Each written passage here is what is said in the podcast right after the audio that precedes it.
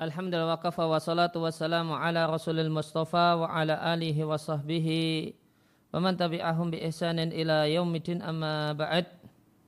Kaum muslimin dan muslimah rahimani wa rahimakumullah kembali kita lanjutkan membaca dan mentalaah ahkamuz zinati lin nisa'i karya Amar Abdul, Abdul Man'im Salim hafizallahu taala wa wafaqahu kita sampai pada halaman 105 larangan bagi wanita untuk melembut-lembutkan perkataan ya, watarqiqi sauti dan melembutkan suara. Firman Allah Ta'ala di surat Al-Ahzab ayat yang ke-32 Wahai para istri Nabi, kalian tidaklah seperti umumnya perempuan. Maka jika kalian bertakwa maka janganlah kalian melembutkan ucapan sehingga timbullah keinginan pada diri orang-orang yang pada diri orang yang di hatinya terdapat penyakit. Wa qulna qawlan ma'rufa dan katakanlah perkataan yang baik. Makna ayat ini di Al-Mukhtasar fi Tafsir, wahai istri Nabi Muhammad sallallahu alaihi wasallam, kalian dalam kemuliaan dan keunggulan tidaklah semisal umumnya perempuan Bal antunna fil fadli syarafi. Bahkan kalian dalam kemuliaan berada pada satu kedudukan yang tidak bisa dicapai oleh selain kalian. Jika kalian melaksanakan perintah-perintah Allah dan menjauhi larangannya. Maka janganlah kalian tulayinil kaula wa turaqiqna sauta melembutkan perkataan dan melembutkan suara jika kalian berbicara dengan laki-laki ajnabi, laki-laki yang bukan suami, bukan mahram. Sehingga timbullah keinginan karena sebab hal tersebut orang yang di dalam hatinya terdapat penyakit nifak dan penyakit syahwat dan penyakit syahwat yang haram. Maka katakanlah perkataan yang ma'ruf yang baik maksudnya adalah katakanlah perkataan yang jauh dari hal yang mencurigakan yaitu perkataan yang serius ya bukan guyon-guyon sesuai dengan kadar kebutuhan. Maka ayat ini dalil menunjukkan bahasanya hati itu punya penyakit dan bisa mengalami sakit. Nah, penyakit dan sakit apa hati yang dimaksudkan dalam ayat ini? Kalau berdasarkan Al-Mukhtasar fit Tafsir, sakit eh, penyakit hati yang dimaksudkan dalam ayat ini mencakup dua jenis penyakit, ya, penyakit syubhat dan penyakit syahwat. Karena beliau katakan, karena disampaikan oleh e, para penulis mukhtasar fi tafsir, ya, man fi qalbihi maradun nifaq. Orang yang di dalam hatinya terdapat penyakit kemunafikan. Kemunafikan itu uh, penyakit syubhat. Kemudian wasyahwatul haram dan keinginan yang haram. Yang ini ya, maksudnya maksiat ya, yaitu ini adalah penyakit fitnatus syahwat. Dan meskipun ayat ini ditujukan pada istri Nabi maka ini berlaku untuk semua perempuan. Dikarenakan istri Nabi adalah teladan bagi semua wanita muslimah maka perintah dari Allah ini wahai saudari muslimah untuk para istri Nabi dan wanita-wanita umat ini mengikuti para istri Nabi dalam masalah ini. Dengan tidak melembutkan perkataan dan melembutkan suara watarkhim dan melembutkan suara.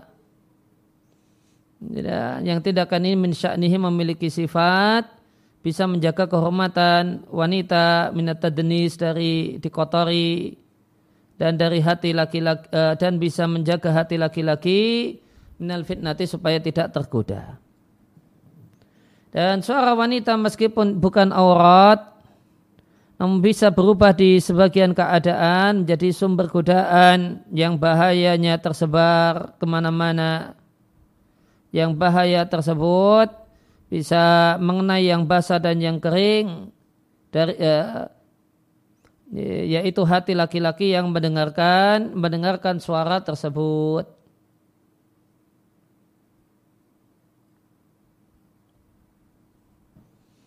Fakana hadal amru arabani maka perintah dari Allah ini Al-Mubayyin yang menjelaskan ketentuan untuk al-khitab dialog antara laki-laki dan perempuan dalam rangka mendatangkan maslahat yang lebih besar dari percakapan tersebut. Ya. Maka di antara ketentuannya adalah bil ma'ruf, perkataan yang baik. Ya. Perkataan yang tadi dimaknai dengan perkataan yang tidak menimbulkan kecurigaan wal iktisad fil hadisi dan perkataan seperlunya dan aturan dari Allah itu mencegah kerusakan yang kerusakan itu mutarajahah lebih besar.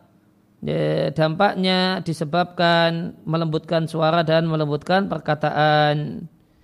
Ibnu Kathir Asy-Syafi'i rahimallahu taala ketika menafsirkan ayat di atas menyampaikan Makna ayat ini anah bahasanya wanita yang berbicara dengan al-ajanib dengan lelaki ajnabi ya boleh berbicara namun bikalamin laisa fihi tarkhimun dengan perkataan yang tidak dilembutkan artinya janganlah seorang tidak boleh seorang wanita muslimah berbicara dengan lelaki ajnabi dengan gaya bicara yang dia gunakan untuk suaminya. Maka harus ada dua model ya, pembicaraan dan perkataan. Ya, pembicaraan dan perkataan ketika bersama suami kepada suami dan model perkataan dan suara ketika kepada bukan suami. Wal intinya wanita dilarang melakukan segala sesuatu yang membangkitkan fitnah atau godaan di hati laki-laki Ya, wa ingkana asul amri meskipun ya, hukum asal ya, perkara ini adalah mubah yaitu yang dimaksud dengan hukum mubah adalah wanita dibolehkan untuk berbicara dengan lelaki ajnabi. Ya, lihajatin karena keperluan. Walakin akan tetapi tidak boleh bagi wanita ini untuk melembutkan suaranya. Ya, atau untuk mengajak guyon dengannya, mengajak canda-canda dengannya, atau tudaibahu atau ya, menggodanya dengan kata-kata yang dia uh, lakukan bersama suaminya karena itu satu hal yang membangkitkan fitnah atau godaan wal billahi semoga Allah Subhanahu wa taala melindungi ya, kami dan ya, dan semua yang menyaksikan uh, kajian ini. Kemudian di halaman 106 larangan ya, wanita berbicara dengan lelaki ajnabi ila lihajatin kecuali jika ada kebutuhan. Maka Islam antusias untuk menetapkan aku, uh, semua aturan yang memiliki sifat Yunadzim menata hubungan antara dua jenis kelamin. Yang aturan ini memberikan maslahat bagi keduanya dan bagi masyarakat seluruhnya. Dan aturan-aturan yang menunjukkan kelapangan aturan-aturan Islam dan batasan-batasan Islam dari satu sisi. Wabima dan aturan yang mencegah sebab-sebab terjadinya fitnah atau godaan yang bisa timbul di antara dua jenis kelamin dari sisi yang lain. Oleh karena itu syariat yang mulia membolehkan perempuan berbicara dengan laki-laki dan sebaliknya, namun diberi persyaratan. Ya, kalau hukumnya boleh, namun perhatikan syaratnya. Dengan syarat yang pertama adalah ada kebutuhan, dan yang kedua tidak melembutkan perkataan atau ucapan sebagaimana telah dijelaskan. Dan tersebar di banyak perempuan dan tentu penulis ini mempotret masyarakatnya, masyarakatnya masyarakat Mesir. Ya. Maka jika demikian negeri yang penuh dengan ulama, ya maka bagaimanakah dengan negeri yang kondisinya ya, kualitas agamanya lebih rendah? Ya, banyak wanita yang ya, memaksakan diri untuk berbicara dengan lelaki ajnabi dan melembutkan perkataan bahkan guyon-guyon wa muda'abah bil alfat dan canda-canda dalam berkata-kata. Ini semua adalah hal yang menyalakan api fitnah atau godaan lawan jenis di hati keduanya. Di samping itu dia adalah perkataan yang membuat murka Allah Azza wa Jalla. Maka perkataan laki-laki dengan perempuan dan perempuan dengan laki-laki labudah haruslah sesuai dengan kadar kebutuhan. Dan tidak boleh jadi jalan atau jalan untuk mendapatkan kenikmatan palsu yang haram. Bitajadu bil hadisi min jinsil akhar. Dengan terjadinya uh, obrolan, ya, tajadub mana asalnya tarik menarik, ya, al hadis perkataan Ya, tajadub al hadis. Ya, jadi obrol, uh, obrolan berkepanjangan dengan jenis kelamin yang lain. Dan di antara kebutuhan syar'i yang membolehkan perempuan untuk uh, dalam kebutuhan ini untuk berbicara dengan laki ajnabi adalah kebutuhan fatwa bertanya tentang masalah hukum agama, al-qadha memberikan putusan uh, perkara keributan dan perselisihan atau kemudian berobat ke dokter dan tidak dan pilihannya adalah dokter laki-laki karena tidak ada dokter perempuan atau jual beli menjual atau membeli uh, merespon ya, telepon atau atarik orang yang mengetuk pintu ya. demikian juga boleh bagi wanita mengajari laki-laki namun dibalik hijab Bagaimana firman Allah Ta'ala Wa idha sa'altumuhunna mata'an fas'aluhunna mi warai hijab. Jika kalian meminta kepada para perempuan itu satu barang, maka mintalah dari balik hijab. Demikian di surat Al-Ahzab ayat yang ke-53.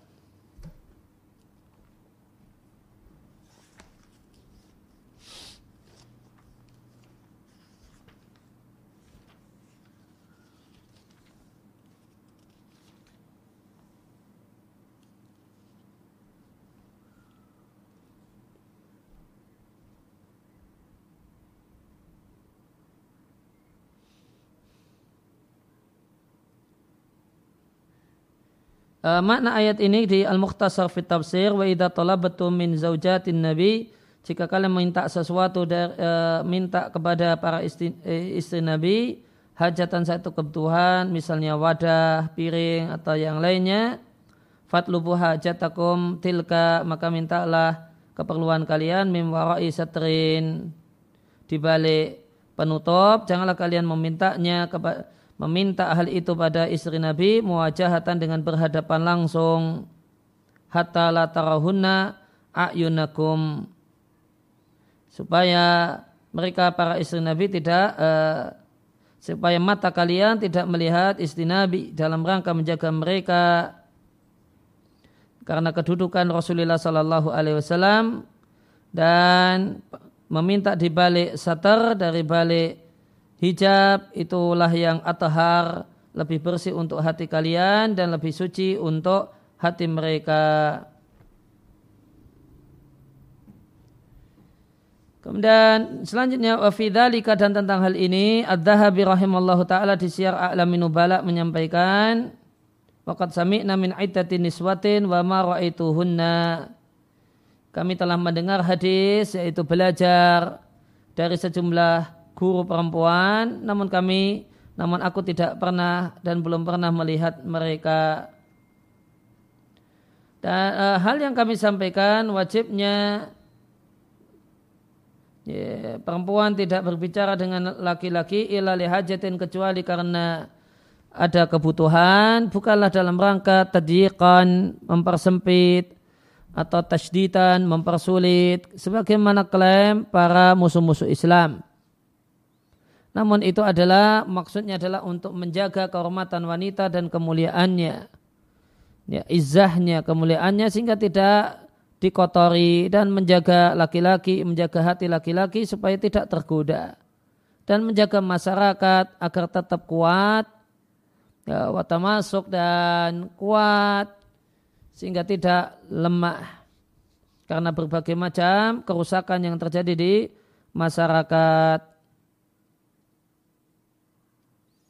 Nih, kemudian uh, poin selanjutnya di halaman 108 Apakah wanita itu mengkasarkan meng, ya, ya, di, mengkasarkan suaranya dibuat suara yang kasar ketika berbicara dengan laki-laki ajnabi. Maka disampaikan oleh penulis akan tapi tersebar di di kalangan banyak wanita muslimah di masa ini kebiasaan ya, membuat kasar, ya, membuat ya, kasarnya suara ketika berbicara dengan laki-laki. Dan banyak dari mereka memaksakan diri dalam hal itu bukan karena bisa namun sampai pakai latihan gitu. Nah, penulis tidak uh, tidak cocok dengan hal ini, tidak sepakat dengan hal ini. Beliau katakan, ya, wal hakikat sebenarnya perbuatan ini yang benar perbuatan ini tidak boleh. Pertimbangannya karena ini menyerupai laki-laki. Jika dia uh, suaranya keras dan kasar, ya, tidak sebagaimana normalnya suara perempuan, ya, maka ini beliau nilai terlarang karena serupa dengan the lawan jenis. Dan Islam antusias untuk menjaga ala kullima hal-hal yang membedakan satu jenis kelamin dengan yang lain.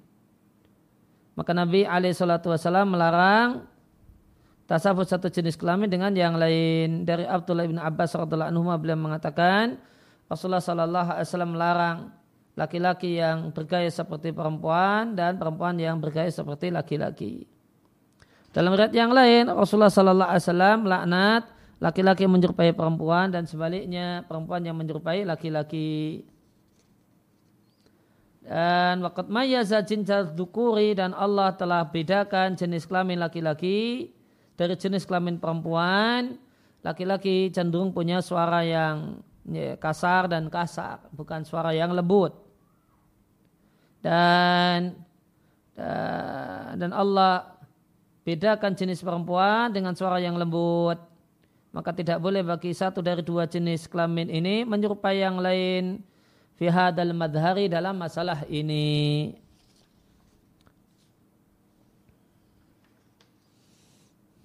Ya, kemudian kita masuk bab selanjutnya bab thiyabi bab hukum seputar pakaian. Halaman 110 anjuran ya, memperbagus penampilan bithiab dengan pakaian yang tidak menyebabkan sombong atau boros atau menyebabkan godaan. Wahai saudariku muslimah, Allah Subhanahu wa taala menganjurkan dan Rasulnya alaihi salatu wasalam menganjurkan untuk tajamul memperbagus tampilan fisik dengan pakaian. Di antaranya adalah firman uh, faqala azamin qailin Allah azza wa jalla berfirman Ya bani Adam wahai anak keturunan Adam Ambillah zina takum yaitu ambillah pakaian kalian Maksudnya pakailah pakaian kalian Ingda kuli masjidin setiap kali kalian hendak salat dan telah kami sampaikan di penjelasan yang telah lewat yang dimaksud zina dalam ayat ini untuk laki-laki untuk perempuan adalah memakai pakaian. Dan Allah Subhanahu wa taala berfirman, katakanlah Siapakah yang mengharamkan perhiasan Allah yang Allah keluarkan untuk para hamba-hambanya? Wattaibati rizq dan makanan-makanan yang enak yang Allah keluarkan untuk hambanya. Dan tidaklah diragukan bahasanya pakaian termasuk dalam ya, zina, umum zina, termasuk dalam perhiasan yang warada dikruha yang disebutkan dalam ayat ini. Dan di hadis Nabi Shallallahu Alaihi Wasallam tentang ya, deskripsi istri yang salihah Nabi katakan dia adalah wanita yang taat jika ya, suaminya memerintahkan wanita yang menyenangkan jika suaminya memandang dan wanita yang menjaga suaminya atau hak suaminya berkenaan dengan dirinya dan harta suami. Ya, maka yang jadi sisi pendalilan adalah waktu siru ida nadara menyenangkan jika suami memandang. Maka membuat gembira pada hati suami yakunu itu ada dengan memakai pakaian yang bagus, pakaian yang indah. Ya. Bukan pakaian yang jelek dalam keadaan mampu memakai pakaian yang lebih baik. Maka itu tentu membuat tidak nyaman dipandang ketika pakaian itu robek, pakaian itu bolong-bolong dan ya, dan dan seterusnya. Walakin ukhta akan tapi wahai saudariku mempercantik diri atau memperhias diri dengan pakaian itu disyaratkan dengan dengan sejumlah hal. Yang pertama, memperbagus tampilan fisik tersebut tidaklah menyebabkan ya, binauin min anwa'id thiyab, ya, memperbagus mempercantik diri dengan salah satu e, bentuk kain atau salah satu kain atau model kain itu tidak boleh yang menyebabkan ilal kibir kesombongan. Maka akhlak berupa sombong karena akhlak itu adalah akhlak mulia adalah akhlak yang tercela. Ini, maka yang disebut akhlak itu bukan hanya yang terpuji, yang tercela juga disebut akhlak. Maka di sini katakan akhlak sombong itu tercela dalam syariat kita, terlarang. Dan terlarang segala sesuatu yang mengantarkan pada akhlak sombong. Allah Ta'ala berfirman, janganlah engkau berjalan di muka bumi marahan dalam keadaan sombong, yang Allah tidak menyukai kula mukhtalin fakhur, orang yang sombong perbuatannya, fakhurin dan orang yang sombong ucapannya. Dari Abu Hurairah radhiallahu anhu ya di antara makna beda mukhtalin fakhur ya, uh, fakhur itu untuk ucapan sedangkan mukhtalin itu untuk uh, sikap dan tindakan. Namun kita coba lihat di Al-Mukhtasar fi Tafsir ayat 18.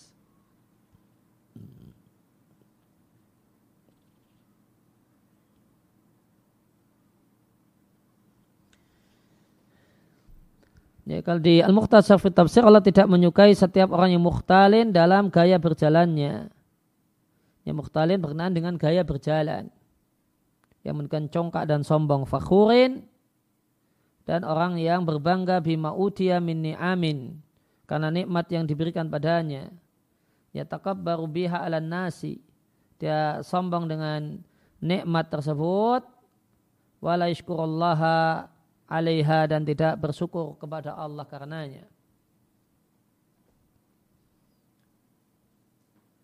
Kemudian dari Abu Hurairah radhiallahu anhu Nabi sallallahu alaihi wasallam bersabda pada saat ada seorang itu berjalan dan dia terkagum-kagum dengan uh, dengan pakaiannya uh, dengan rambutnya dan dua kainnya yang menutupi seluruh badannya. Dua kain di sini artinya menutupi bagian atas badan dan bawah badan. Artinya berpakaian yang lengkap.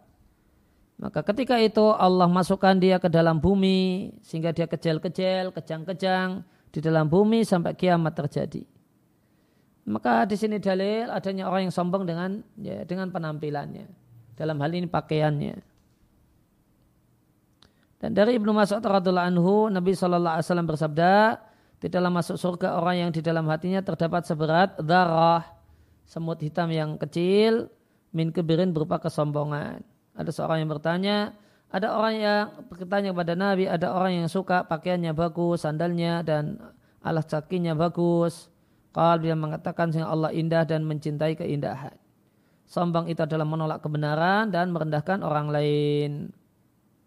Kemudian yang kedua yang patut diwaspadai berkenaan dengan berpakaian ya, atau jamol memperbagus diri ini tidaklah menyebabkan uh, memperbagus diri dengan pakaian ini tidaklah menyebabkan israf berlebihan boros ya, membeli pakaian yang mubah namun overdosis. Contoh boros, seorang wanita memaksakan diri untuk membeli pakaian padahal tidak punya kebutuhan untuk itu. Namun karena ada diskon, ya, maka dipaksakan untuk beli. Kenapa tidak dibutuhkan litawafur thiyabi ingdaha? Karena dia punya banyak pakaian. Bima yurniha yang mencukupinya sehingga tidak perlu membeli pakaian ini. Namun dia ngotot dengan suaminya, menyusahkan suaminya dan membebani suaminya lebih dari kemampuannya dengan alasan oh, mumpung diskon, sedang diskon atau yang lainnya. uh, pada Allah Ta'ala berfirman silakan makan dan minum namun jangan boros. Ya. Ya, silakan melakukan hal-hal yang mubah semacam makan dan minum namun tidak dan dibuang-buang boros dan berlebihan. Dan larangan untuk isra berlebihan tidak hanya tertuju pada makan dan minum saja, namun dalam setiap perkara. Kemudian yang ketiga, at-tajamul binau'in minathiyab, memperbagus tampilan fisik dengan pakaian tidak menyebabkan membangkitkan godaan di hati laki-laki atau lawan jenis. Manakah wanita diperintahkan jika keluar dari rumahnya untuk keluar dalam keadaan tenang. Eh, fiat mariha. Keluar pakai atmar. Atmar adalah pakaian jelek yang tidak membangkitkan ya, keinginan. Supaya tidaklah pakaian tersebut membangkitkan dalam jiwa laki-laki, membangkitkan syahwat, dan menimbulkan fitnah. Dari Abu Hurairah radhiallahu anhu Nabi sallallahu alaihi wasallam bersabda, "Janganlah kalian larang para wanita untuk ke masjid, itu rumah Allah." Namun, hendaknya wanita berangkat ketika mereka berangkat tafilatin dengan tidak memakai parfum. Ibnu Bar mengatakan jika seorang istri itu menolak untuk tidak keluar, dia ngotot ingin keluar, maka hendaknya suami mengizinkannya. Takhuju hendaknya wanita tersebut keluar rumah dalam rangka sholat fi admariha tinggi kain yang jelek khalikan yang jelek la tatazayyanu ya dia tidak jadi tampil cantik karenanya Ya, demikian perkataan Abdullah bin Mubarak berkenaan dengan perginya wanita ke masjid. Maka jika demikian ketika wanita itu pergi ke masjid padahal dia ada tempat ibadah, tempat membersihkan jiwa, maka bagaimanakah jika pergi ke pasar, ke mall, atau yang lain tentu bisa lebih rusak lagi. Ya, tentu harus lebih ketat lagi. Ya demikian yang uh, kita baca kesempatan siang hari ini. Wassalamualaikum warahmatullahi wabarakatuh wa ala alihi wasallam alhamdulillahirabbil alamin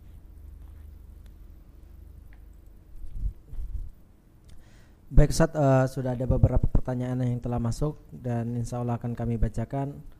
Uh, untuk pertanyaan pertama Ustaz, uh, Bismillah, Assalamualaikum Ustaz. Amin.